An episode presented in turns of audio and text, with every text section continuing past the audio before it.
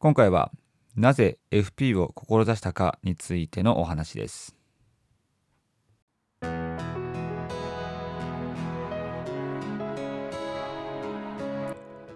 ヒロトのフラット独り言第76回目の配信です。はい、えー、今日は1月の4日、えー、ということで、えー、今日からですね、まあ、仕事がスタートしたわけなんですけども、まあ、仕事を明けてもとにかくですね休みの日のあの生活スタイルが全然抜けなくてですね僕あの部署移動してから毎朝4時半ぐらいに起きてるんですけどももう前日ちょっとね夜更かしをしてしまって、えー、確かに12時頃寝たんですね。なので4時間半睡眠で、えーまあ、新年明けての仕事が始まったんですけどももう一日中眠くてはいもうまあ、基本的には、室内で、えー、ずっと仕事してるので、もうエアコンというか、もうあったかいんですよね、その部屋の中が。なので、まあ、あとはもう人もたくさんいますし、もう二酸化炭素がもう充満していて、もう眠気を誘うってね、なかなかしんどかったですね。なので、まあ、ここで気づいたのは、まあ、生活スタイルとか、まあ、睡眠スタイルっていうのは、まあ、休日とか平日とかあまり変わらない方がまあいいなってすごく思いました。はい。なので気をつけようと思います。っていうお話で、えー、今日はですね、改めて、あのー、なんで FP を志すようになったのかについてお話をしてみたいと思います。はい。まあこれはですね、まあ新年も明けて、まあ、自分自身が改めてなんで今やってることを、まあ、続けることができてるのか、そして、えー、そもそも何でやり始めたのかってことを、まあ、このタイミングで、まあ、振り返るっていうのもいいなと思ったので、ちょっと今日はそんなお話をしていこうと思います。はい。えー、まあ、プロフィールでも書いてます通り、まあ、もう再三ですね、僕は FP のことについてお話をしてると思います。はい。まあ、特に最近なんかは、まあ、CFP って言って、 Certified Financial Planner っていう、FP の中でも、まあ、とりあえず一番最高峰の資格を今目指しているんですけども、まあ、これを目指す上でもやっぱりね段階を踏んできたのでもうかれこれも FP 自体はですね、まあ、トータルの期間で言うと、まあ、45年ぐらいは、まあ、あのやってるんですね。なのでですねまあこのちょうどタイミング的にも、うんまあ、改めてちょっとね振り返ってみたいと思ったのでえー、今回ですね、ちょっともうスクリプトを作っていたら結構長くなってしまったので、えー、前半と後半に分けてお届けをしたいと思います。はい。なので、まあ、2回に分けてですね、えー、今回は前半ということで、まあ、なぜ FP を志すようになったのか、そこについてお話をしていこうと思います。はい。えー、そもそもですね、僕が、まあ、この FP というものに出会ったというか、まあ、知ったのが、えーと、大学2年生の春なんですね。でその時はまあ2年生ということもあって、まあ、ちょうど大学生活もまあそれなりに楽しんでいましたし、えー、とバイトとかも、まあ、サークルとかも、まあ、遊びなんかもねまあそれなりにやっていたので、まあ、いわゆるまあ普通の大学生、うんまあ、それをまあ謳歌していたって感じだったんですね。なんですけども、まあ、大学2年生にもなると、うん、なんかちょっとそれじゃ物足りないなって、ちょっとなんか、まあ、刺激というか、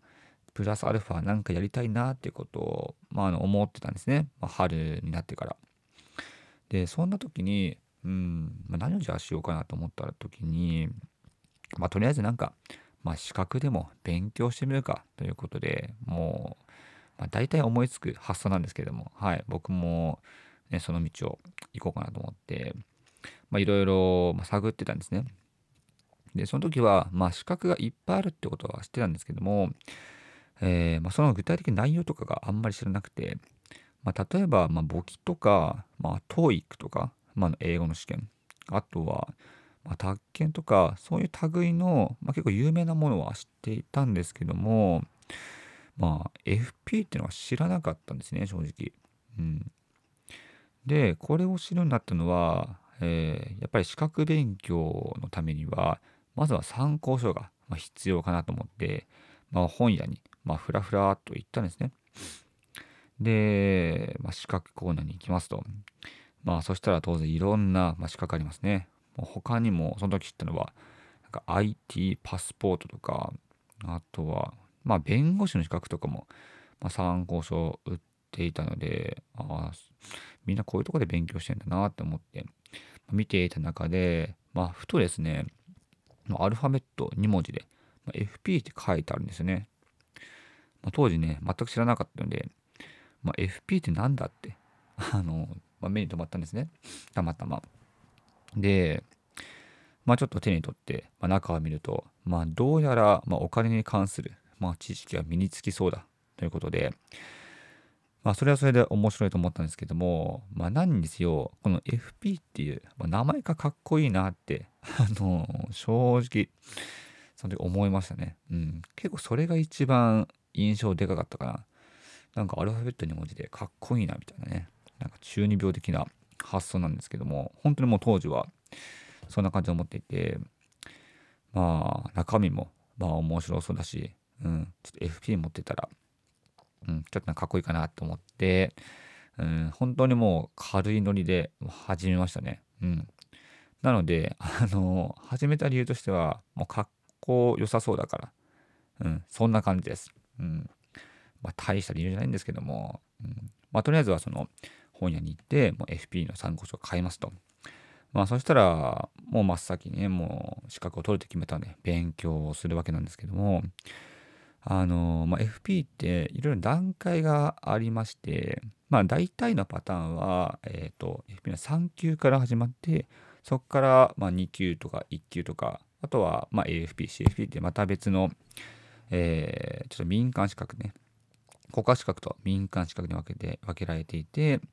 まあ、それで、えー、またステップが踏めるんですけども、まあ、とりあえず、大体のパターンは3級からスタートするということで、まあ、基本的には参考書を見ながら、え、問題書を解くみたいな、もうオーソドックスな勉強法でやってたんですね。で、なんやかんや、えー、確か、まあ、1ヶ月ぐらいですかね、僕が結構じっくり勉強したので、まあ、初めてってこともあって。で、確か FP の試験は3級とか2級は、えー、年3回ぐらいあったはずなので、もうその春の、えー、1回目受けたと。うん、まあね、ちょっと勉強した回もあって、もう3級が受かりましたということでね。うん、でその受かった時も、えー、結構ですね、なんかちゃんとした、まあ、症状がもらえるんですよ。うん、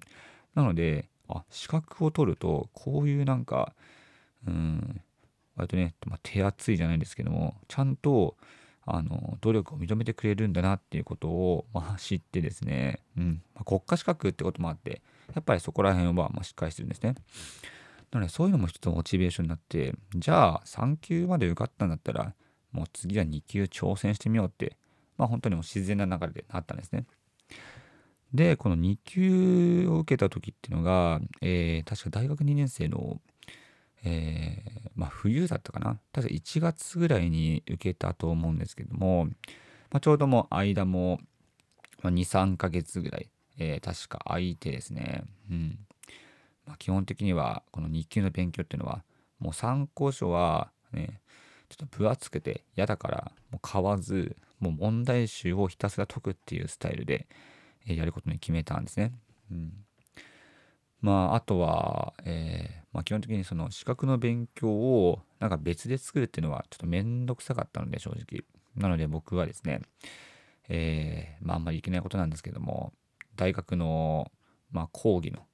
時間に、まあ、講義って大体1時間半とかなので、もうちょうど集中するのはちょうどいい時間なんですね。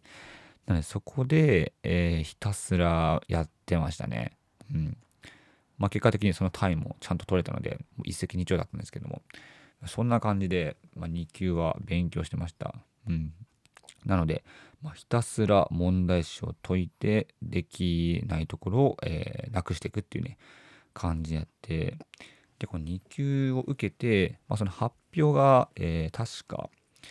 えー、大学2年生の春休みなので、大学3年生になる、え、ちょっと手前ですね。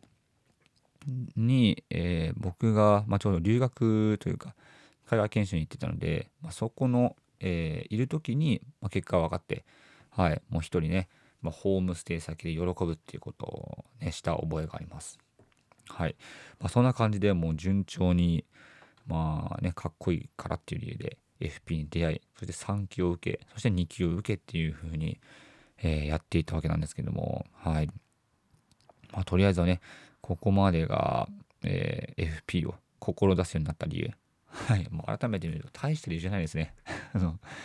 配信する場でもないかなと思ったんですけども、まあちょっとね、振り返りでやってみました。うん。で、まあその後、2級まで、えー、受け終わったら、えっ、ー、と、その先の、今度は民間資格、まあ、AFP っていうのがあるんですけども、まあ、そこまでま挑戦は一応、まできたんですね。学生時代でも。なんですけども、まあ、僕はですね、この FP を2級まで取り終えたら、もう一回、もう FP の勉強やめちゃいしまったんですね。うん。で、なんでやめたかっていうと、単純に、この、まあ、貴重な学生時代、もう4年間あるわけじゃないですか。それを、なんかもう FP を中心に回していくのが、うん、ちょっともったいないなと思ったんですね。なので、まあ、それよりも、なんか、うん、まあ、その大学でしかできない勉強とか、あとはま旅行が好きだったので、まあ、旅行に行ったりとか、うん、あとは、まどっちかというと遊びに時間を費やしたりとか、まあそっちの方が絶対的に、うん、有意義だなと思ったので、もうあえてですね、もう AFP は挑戦せずに、まあ、しかも今後もなんか使うかどうかも分かんなかったので、うん。で、一回ここでやめたんですね。はい。まあ、なんですけども、まあ、なんやかんや、はい、今ちょっと続けてるっていうね、ことではあるんですけども、まあ、とりあえずは大学時代の、えー、僕が FP を始めた理由と、まあ、とりあえず2級まで受けた経緯は、まあ、大体こんな感じです。うん。まあ、ここまでは別に特別な理由とかないんですけども、うん。まあ、改めて見ると、うん、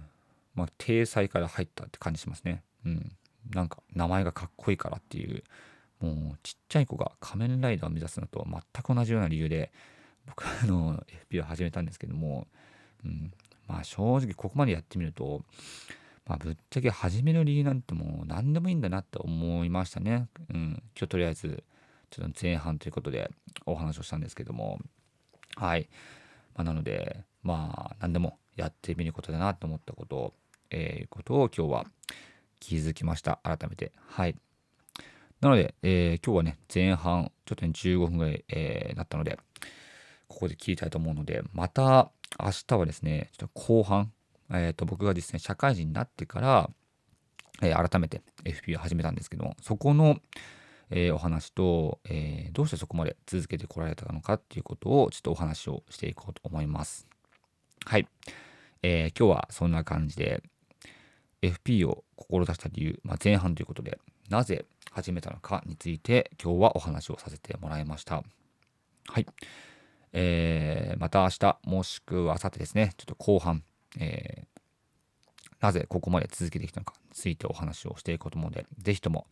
また楽しみにしていてください。はい。えー、今日はこんな感じでおりますので、えー、それでは、バイバイ。